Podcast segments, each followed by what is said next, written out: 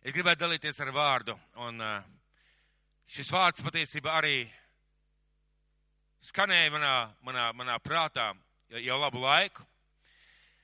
Un vārds, vārds saucās vissvarīgākais sastapt Jēzu. Sakiet, kas ir vissvarīgākais dievkalpojumā? No vissvarīgākais. Dieva vārds. Vai ir vēl kāda versija, kas ir vissvarīgākais? Vai tiešām neviens neteiks mācītājs? kas ir vissvarīgākais dievkalpojumā? Pielūgsme, pareizi. Kas, bet es gribētu turpināt, mēģināt tā kā mūs uh, fokusēt vienā jautājumā. Kas ir vissvarīgākais? Uh, katram personīgi, jums, kas ir vissvarīgākais? Man, uh, es domāju, ka daudzas atbildes ir pareizas un viss ir pareizs, bet es gribētu teikt tā, šodien es gribētu teikt tā. Svarīgākais dievkalpojumā ir sastapt Jēzu. Svarīgākais dievkalpojumā ir satikt Kristu satikt Dieva garu. Tas ir svarīgākais. Vai caur slavēšanu, vai caur vārdu, vai kaut kā savādāk, bet vissvarīgākais satikt Jēzu, jo, jo tieši mūsu satikšanās kaut ko mūsu dzīvē izmaina. Un vārds, par kuru šodien gribētu dalīties, un es domāju, ka kādam tas ir jādzird, uh, un jādzird kādam, teiksim, šodien šajā vietā, jādzird varbūt tiem, kam viss dzīvē ir kārtībā, varbūt jādzird kādam, kuram kā, nākotnē var būt kādas problēmas, situācijas vai lietas, kur šis vārds varētu būt tieši, tieši kā atbilde jūsu situācija, jūsu, jūsu vajadzībā. Un es gribu vest uz Lūkas evaņģēlijas 7. nodaļu, sākot ar 11. pantu. Lūkas evaņģēlijas 7. nodaļa, sākot ar 11. pantu. Kāpēc mēs par to runājam? Redziet, Bībele nav vienkārši vienkārši grāmata vai tas, ko mēs lasām, nav vienkārši stāsti vai notikumi daudz gadsimtu atpakaļ. Dievs lieto vārdu. Dievs devis savu vārdu, lieto vārdu, lai, lai pieskartos mūsu dzīvēm. Lai mainītu mūsu domāšanu, lai mainītu to, kā mēs skatāmies uz lietām, Dievs reāli lieto vārdu. Un tas vārds, kas šodien skanēs, būs domāts, lai mēs viņu lietotu, lai mēs viņu paturētu, lai mēs atcerētos un lai ja kādam kādreiz ir kāda vajadzība, lai mēs šajā vārdā arī spētu pastāvēt un turēties. Un šis stāsts ir sen lasīts noteikti, lasīts, dzirdēts, bet šodien es gribētu paskatīties uz šo vārdu Lūkas evaņģēlijā nedaudz no citu skatu punktu. Tad Lūkas evaņģēlijas 7. nodaļa, 11. pants. Un pēc tam viņš, tas ir Jēzus, gāja uz pilsētu vārdā Naine un viņa mācekļi un daudz ļaužu gāja viņam līdzi. Bet, kad viņš bija tūp pie pilsētas, bet, kad viņš bija tūp pie pilsētas vārtiem, lūk, tad iznesa mironi, kas bija savas mātes vienīgais dēls, un tā bija atraitne un liels pulks pilsētnieku, tai gāja līdzi. Jēzus dodas uz pilsētu vārdā Naine. Nonākot pie vārtiem, viņš sastop kādu dīvainu, jeb nevar būt pārāk neprast, bet tomēr īpašu procesiju. Pa šiem pilsētas vārtiem cilvēki iznes ārā kādu mirušu cilvēku. Kādu mirušu jaunieku, tik iznes ārā. Kāds mirušs jaunieks. Bībeles saka, ka tas ir atraitnes vienīgais dēls, ka sieviete, jeb radinieks, kas glabā šo cilvēku, ir atraitne, un dēlam bija jābūt viņa šeit, šeit cerībai, nākotnē, ja tā varētu teikt, jo bērni rūpējās, ja māte ir atraitne. Un liels ļaužu pūlis dodās līdzi. Un vēsture saka, ka ir tā, ka varētu teikt tā, nu, atraitne un viens vienīgais dēls. Mēs nezinām, kāda bija šī atraitne. Mēs nezinām, kāda bija vēsture, kāds, kāds vecums un tam līdzīgi. Šeit Bībele mums to nesaka, bet uh, teologi un vēsturnieki saka, ka tad, kad nesa, nesa kādu mironi ārā no pilsētas, tātad miroņus neglabāja pilsētā, glabāja ārpus pilsētas, nes ārā no pilsētas, ejot pa šīm ielām, cilvēki varēja pievienoties un raudāt līdzi, skumt līdzi, vai kaut kādā veidā pavadīt, parādīt cieņu, godu, un pievienojas daudz dažādu cilvēku. Un, ja es pieeju pie vārtiem, un pie vārtiem viņš sastop šo procesiju, un eh, šī procesija ir izgājusi ārā no pilsētas, un eh, tad ir ārpus šīs te pilsētas ter teritorijas. Ko, ne, ko viņi taisās darīt ar šo cilvēku? Viņi nes ārā, lai apglabātu uz visiem laikiem. Tad šis cilvēks tiek nests ārā, lai viņš tiktu apglabāts uz visiem laikiem. Mēs nezinām, kāpēc viņš nomira. Mēs nezinām, kas bija par iemeslu, kādā laikā viņš nomira, bet uh, patiesībā šīs sievietes, šī vīrieša, šī jaunā cilvēka, ja tā varētu teikt, dzīve, sapņi, nākotne, tojās tam mirklim, kad viņš tika apglabāts. Šīs atraitnes, cerības, nākotne, un uh, patiesībā tiešām viņas nākotne tiek nest ārā pa durvīm, pa šiem vārtiem, lai apglabātu, jo nav vairs cerības.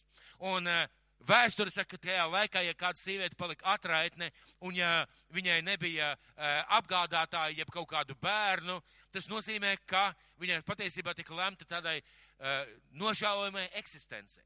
Respektīvi šīs jauneklis tiek nests ārā, bet līdz ar jaunekli šim te, šim te, šim te zārkam tajā laikā nebija šīm te nestuvēm, patiesībā tiek nesta arī šīs sievietes nākotne.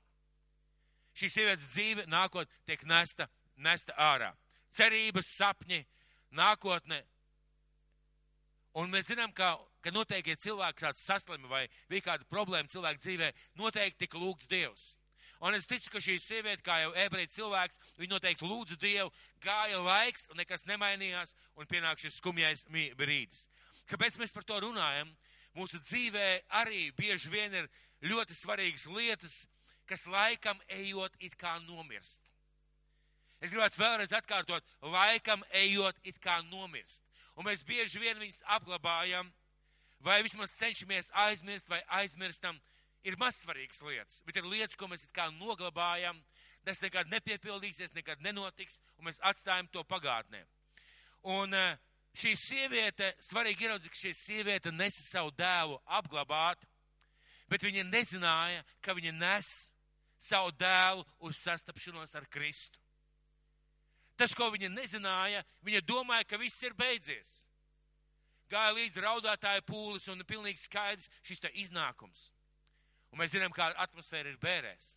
Bet viņa nezināja, ka šajā bezcerībā, šajā izmisumā, šajā sāpēs, viņa patiesībā virzās pretīm tam mirklim, kad viss atjaunosies, kad notiks brīnums. Viņa nezināja, ka nes pretīm Jēzum. Un mēs bieži vien nezinām savā dzīvē, pret ko mēs, uz kurien mēs virzamies, ka mēs ejam uz augšām celšanos savā situācijā. Mums liekas, viss ir beidzies, viss ir apstājies, bet mēs nesaprotam ar reizēm un nezinām, ka mēs nesam šo savu vajadzību uz augšām celšanās brīdi. Bet ziniet, kas ir svarīgi? Ja mēs esam kriticīgi cilvēki, ja mēs esam kristieši, šajā grāmatā, ko sauc par Bībeli, ir rakstīts, ka nav bezcerības. Ka nav bezcerības. Ka jebkura lieta, kas mums ir svarīga, jebkura lieta, ko Dievs ir apsolījis, jebkura lieta ir iespējama kopā ar Kristu. Jo viņš valda pār debesīm, pār zemi, un viņš valda arī pār nāvu. Tātad arī mēs savā dzīvē varam iet kā tādā virzienā kaut ko apglabāt, bet mums ir svarīgi saprast, ka mums ticīgiem cilvēkiem, ka mēs varam apstāties šajā gājienā un domāt, ka var būt izmaiņas. 13. pants. Un to redzējis tas kungs Ļoti svarīgi ieraudzīt, ka to redzējis tas kungs, Dievs visu redz. Dievs redzēja šīs sievietes dzīvi, un Dievs redz arī mūsu dzīvi. Uh, Dievs redz tavu dzīvi, Dievs redz manu dzīvi. Dievs redz, un viņš, viņš kaut ko jūt par mūsu dzīvi. Un šeit rakstīts tā, un to redzējis tas kungs par to iežēlojās, un tai sacīja neraud. Jēzus iežēlojās par šo sievieti. Kāpēc? Viņam ir žēl šīs sievietes, jo viņš ir žēlsirdīgs. Viņš ir žēlsirdīgs Dievs. Mūsu Dievs, Kristus, ir žēlsirdīgs Dievs. Un viņš spēja iežēloties tāpēc, ka viņš pats ir gājis cauri lietām. Bībelē kādā vietā teikts, ka viņš spēja just līdzi mūsu vājībās, tāpēc, ka pats kārdināts, pats bijis grūtībās, pats cietis, pats bijis e, problēmās, un viņš spēja iežēloties par mūsu situācijām, par mūsu dzīvēm. Un tā sacīja neraud. Ko nozīmē sacīt neraud? Kāpēc viņš saka neraud? Kā lai neraud? Kā lai neraud, ja viņas cerības, ja viņas ilgas, ja viņas sapņi tiek uh, nesti apglabāšanai? Kā lai neraudam mēs, ja mūsu dzīvē reizēm atnāk lietas vai notiek, kad mirst kaut kas tāds, par ko mēs esam cīnījušies, lūguši, meklējuši, domājuši, darījuši. Un mēs sastapsim savā dzīvē cilvēku, tur teiks, man nekas ne, neizdodas, man nekas neiznāk, man, ne, man nekas nebūs. Tie būs vecāki, jaunāki cilvēki, dažādi. Dažādi cilvēki, dažādā vecumā, dažādi dzimumu cilvēki ar dažādiem dzīves stāstiem un pat ticīgi cilvēki. Mēs sastapsimies ar šādiem cilvēkiem, kuri teiks, man nekas nesanāk. Kāpēc Jēzus saka neraud, jo viņš zina, ka ir cerība. Un, ziniet, es iedomājos, ko tajā mirklī Jēzus jūta, ka viņš teica, neraud. Es padomāšu, ko es te varētu mainīt. Es padomāšu, ko es te varētu izdarīt. Es padomāšu, ko es te varētu kaut kādā veidā tevi nomierināt. Viņš zina, ko viņš taisās darīt. Viņš zina, ka viņš valda pār, pār nāvi un pār dzīvi. Mums šodien tas ir jāzina, ka viņš valda pār nāvu, pār dzīvi. Un viņš saka, neraud. Mēs bieži vien aiz savām asarām, aiz savas raudāšanas, savas skumjas neredzam nākamo soli. Kāpēc, ja es teicu šai sievietei neraud, viņai bija vajadzīgs vārds neraud. Iespējams, ka mums kādam ir vajadzīgs mūsu problēmā kāds cits vārds. Izmaini kaut ko, sāc kaut ko darīt, vai notici, vai sāc lūgt, vai kaut kā savādāk. Es nezinu, bet ja šai sievietei saka, neraud. Un ko Jēzus tajā mirklī domāja? Viņš zināja, ko viņš taisās darīt. Un viņš zināja, ka bez pūlēm tūlīt pat viņš savus augšā šo jaunekli. 14. pants, un piegājis viņš aizskāra zārku, un nesēji apstājās, un viņš sacīja jaunekli, es tev saku, celies augšā. Ja es aizskar šīs nestuvas, nebija tajā laikā zārku, bija nestuvas, un uz šīm nestuvēm gulēja tātad ietīt šis te, šis te, šis te līķis, līķis, ietītais mironis, uh, un nedrīkstēja cilvēki no ebreja ticības nedrīkstēja pieskarties mirušiem, jo skaitījās nešķīst. Jēzum nav problēmas. Viņš pieskarās šim mirušajam cilvēkam, un kas ir interesanti ieraudzīt, šie nesēji apstājās. Šie nesēji apstājās. Patiesībā viņš apstādina šo gājienu, viņš apstādina dabisko notikumu gaitu. Dabiskā notikumu gaita būtu, ka šis gājiens būtu gājis tālāk. Viņš pieskarās šim cilvēkam, viņš apstādina šo gājienu patiesībā garīgajā pasaulē un fiziskajā pasaulē. Viņš apstādina dabīgo notikumu gaitu, jo viņš valda par šo situāciju. Un viņš saka šim jauneklim, saka vārdu, es tev saku, celies augšā. Un mums bieži vien, pirms mēs ceļamies augšā, ir vajadzīgs dzirdēt vārdu. Mums ir vajadzīgs bieži vien dzirdēt vārdu. Es zinu, ka daudziem tā ir, nobija, tā ir bijis, un arī manā dzīvē tā ir bijis, ka es staigāju, domāju par kādām lietām, lūdzu Dievu, un, un nav nekādas domas, nav nekādas cerības, liekas, nekas neizdodas, nesanāk, un tad tu vienkārši pēkšņi vienā mirklī saņem vārdu. Un paiet laiks, un tu saproti, tas vārds, ko tu tajā mirklī saņēmi, tas palīdzēja tev iet tālāk, un tagad ir rezultāts. Tagad ir rezultāts. Vienkārši lieta, vienkārši liecība, varbūt esmu jau dalījies. Mums tukumā ir draudz, sešus, sešus gadus jau ir draudz. Draudz aug, pamazām attīstās, pamazām veidojās. Bet sešus gadus ar pus atpakaļ es staigāju savos, savos laukos pa, pa šo ceļu, kas man tāds kā lūkšana ceļš. Es tur staigāju pa šo ceļu, aizgāju līdz upē, gāju atpakaļ. Teicu, Dievs, es vairs nevaru. Dievs, es vairs nevaru, mēs braucam, mēs sludinām, mēs kalpojam, pietrūkst jau spēka, man vairs ne, neizdodas, nekas nenotiek. Un Dievs tajā mirklī runāja vārdu, kas ļoti radikāli izmainīja to, kā es sāku skatīties, kam jānotiek nākotnē.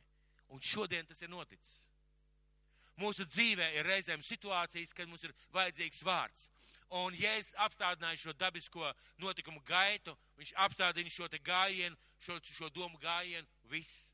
Viņš apstādina šo nāvis gājienu šim jauneklim uz kapu, un viņš apstādina, viņš vēlās apstādināt arī mūsu prātā, mūsu domā vārdus, jeb domas, viss tev nekas neizdosies.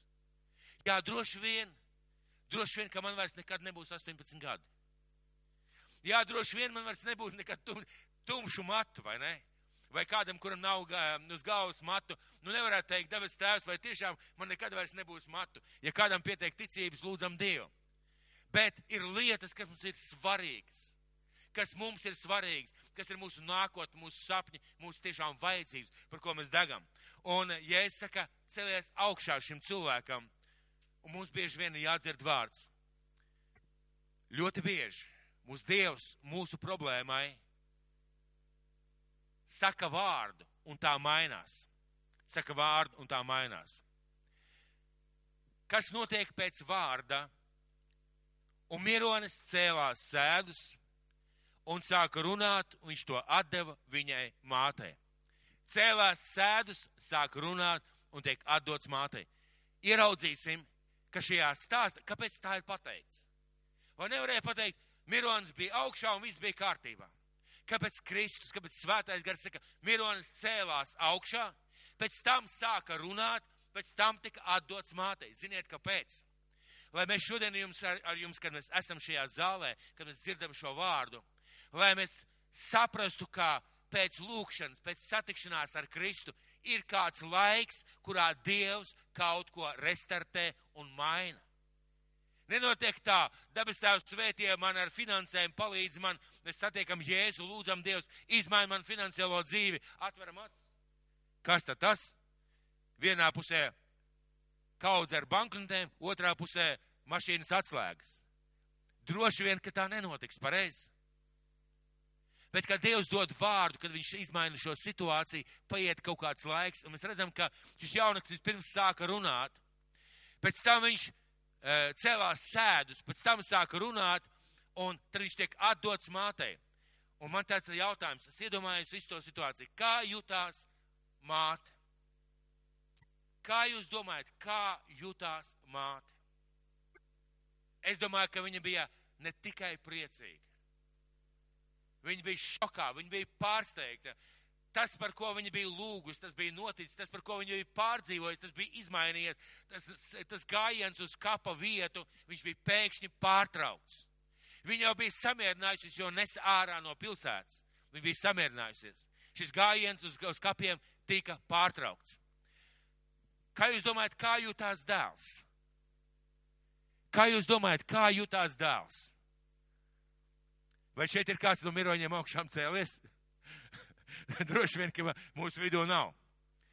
Bet noteikti ir bijuši kādi cilvēki, kur bijuši varbūt kādas operācijas vai, vai kaut kādas smagas situācijas vai kaut kādas lietas.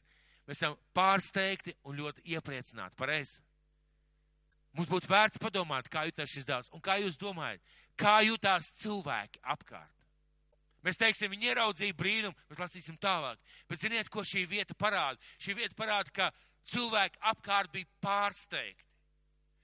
Un man ļoti gribētos, lai mūsu dzīves izmaiņas pārsteidz apkārtējos cilvēkus. Man ļoti gribētos, lai ja tavā dzīvē bijušas problēmas, skumjas, nepreizas lietas vai, vai pareizas lietas, bet vienalga problēmas, man ļoti gribētos, lai tas, ko izdara Jēzus mūsu dzīvē, pārsteidz apkārtējos cilvēkus. Un kā jūs domājat, kā jutās Jēzus? Es domāju, ka viņš bija priecīgs par to visu pareizi.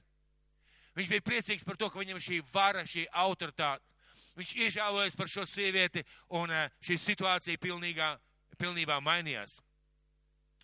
Kā mēs varam just, justies, kad Dievs atgriež mums atpakaļ lietas, kuras mēs sen jau bijām varbūt norakuši vai samierinājušies?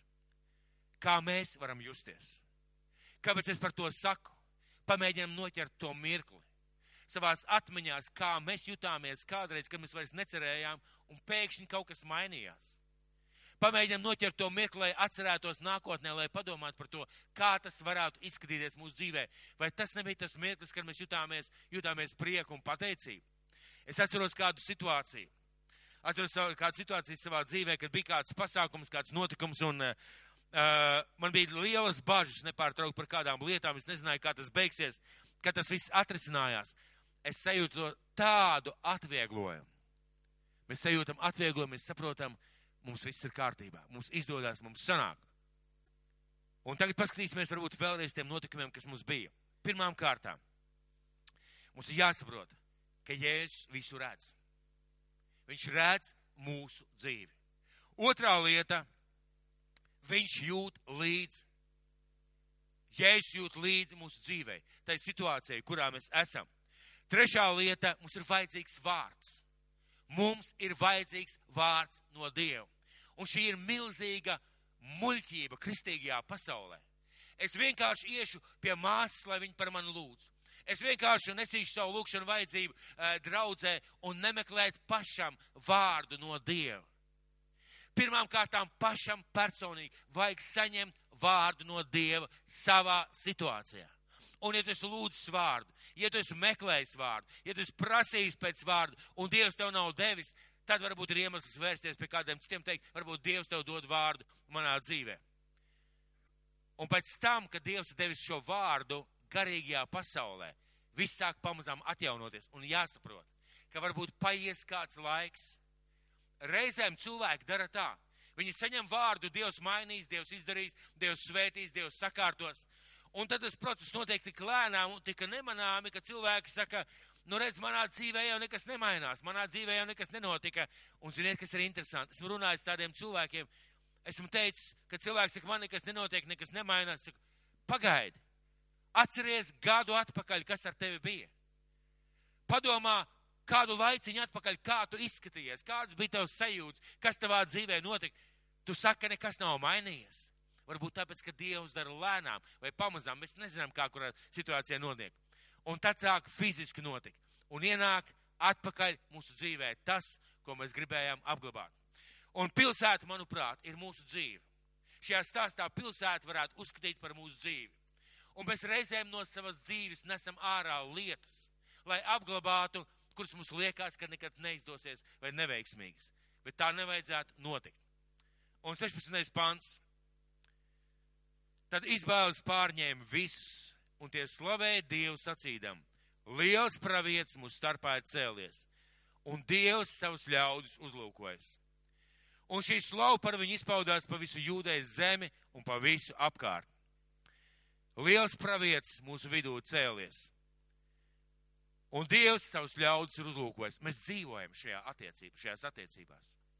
Mums ir pravietis, mums ir ķēniņš, mums ir valdnieks, mums ir pestītājs Jēzus Kristus.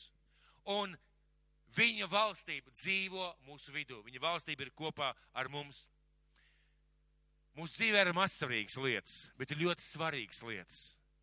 Ir daudz ļoti svarīgu lietu, kas varbūt nomirušas, un mēs esam apraudājuši, cietuši, lūguši, un nekas nav noticis, un varbūt mēs jau esam paguruši lūgt un gaidīt. Ar saviem vārdiem esam paguruši apglabāt, un arī ar savām domām. Un es šodien gribētu teikt, neapglabājiet. Mīļie, neapglabājiet. Tas, ko mums vajag, mums vajag satikt Jēzu Kristu. Un tad notiek augšām celšanās. Neapglabāsim, mēs nekad nedaram tā. Es tagad pieņemu lēmumu apglabāt savus sapņus par nākotni. Es pieņemu lēmumu apglabāt domu, ka kādreiz manā dzīvē būs finanses. Es pieņemu lēmumu apglabāt domu, ka man ģimene atgriezīsies. Es pieņemu lēmumu, ka es apglabāju savu veselību. Mēs tā nekad nesakām, bet patiesībā iekšēji mēs samierināmies ar to. Mēs to pieņemam, tas kļūst par mūsu daļu, un mēs tā sākam dzīvot. Bet to nevajadzētu tā darīt. Tāpēc, ka Jēzus jūt mūsu līdzi, un viņš spēj, viņš var, un viņš vēlās mainīt neapglabāt, neapglabātiet. Un man ir jautājums, mīļie draugi, kas mūsu dzīvē ir nomiris? Pamēģināsim atbildēt sev, sev šobrīd. Kas personīgi mūsu dzīvē ir nomiris no tā, par ko mēs kādreiz sapņojām, par ko mēs kādreiz domājām, un par kaut kas tāds, kas tiešām varētu būt Dieva svētība vai Dieva vēlēšanās vai Dieva grib mūsu dzīvē. Kas tas varētu būt? Dzīvot prieks, Daudziem cilvēkiem vienkārši nav dzīvot prieku. Un viņiem nepateiks, zini, es apglabāju prieku dzīvot. Nē, vienkārši viņu acīs jūs varat izlasīt, ka tas prieks ir apglabāts. Daudziem, daudziem cilvēkiem ir pazudis miers. Un, kad jūs runāsiet, kāpēc tev tādā dzīvē tā, tādas lietas, kāpēc tu tāds satraucies vai tāds nervos vai tik nelaimīgs, zini, man nav miera. Un viņš nepateiks, es vakar svinīgi dārzā iedūru lāpstu un apglabāju savu mieru. Viņi jums to nepateiks. Bet miers ir apglabāts. Prieks ir apglabāts. Savi sapņi ir apglabāti. Ticība sev. Tik ļoti daudz cilvēku ir apglabājuši ticību sev, mīļie draugi. Vakar šajā konferencē tik daudz tika runāts, ka mums ir jātic tam, kas mēs esam. Mums ir jātic, ka Dievs mūs mīl. Mums ir jātic, ka mums ir brīnišķīgas, fantastiskas, lielisks lietas priekšā. Ziniet, un tas nebija, tas nebija sevis kaut kāda mierināšana pēc vakardienas pasākuma, kad es jutos ļoti noguris, jo mēs ar, es nezinu, mēs ar, ar brāli, kur aizmugurē runājām, nu vismaz kādas 100, 150 reizes pa trepēm augšā lejā vakardienas konferencē. Bet no rīta šiem pamocos, ziniet, ko es domāju? Brīnišķīgi konferences, fantastiski viss notika, lieliski esmu noguris, jauki, skaisti. Bet tad es iedomājos vienu lietu. Es neapglabāšu vienkārši šo konferenci kā pagājušu notikumu. Šī konference var būt atspēriena punkts nākošajam lecienam.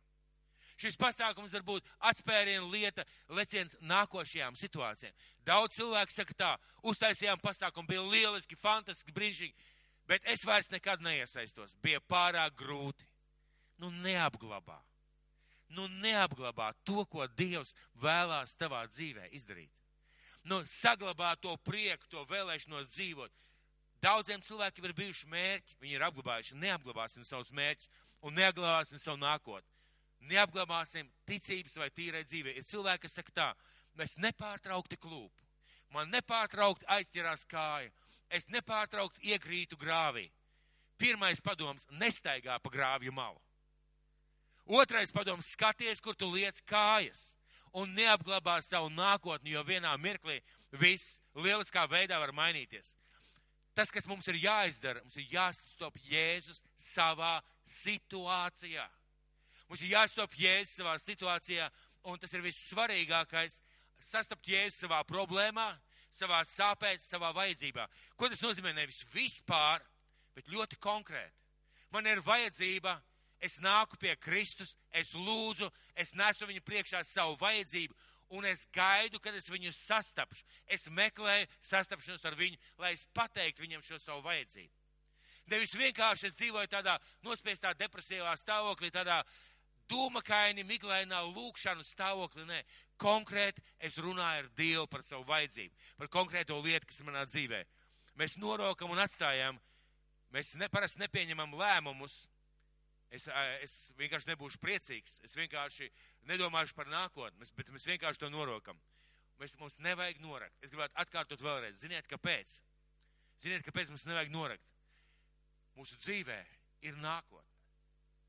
Vienalga, cik tev gadu, kad mēs skatāmies uz Pāvilu, Kristaps tā brīnišķīgi runāja. Pāvils jau sirmā vecumā tik daudz izdarījis, tik daudz paveicis, un nevienā mirklī viņš nav pateicis, ziniet, un tagad es sēdēšu uz lauriem vai vienkārši atpūtīšos.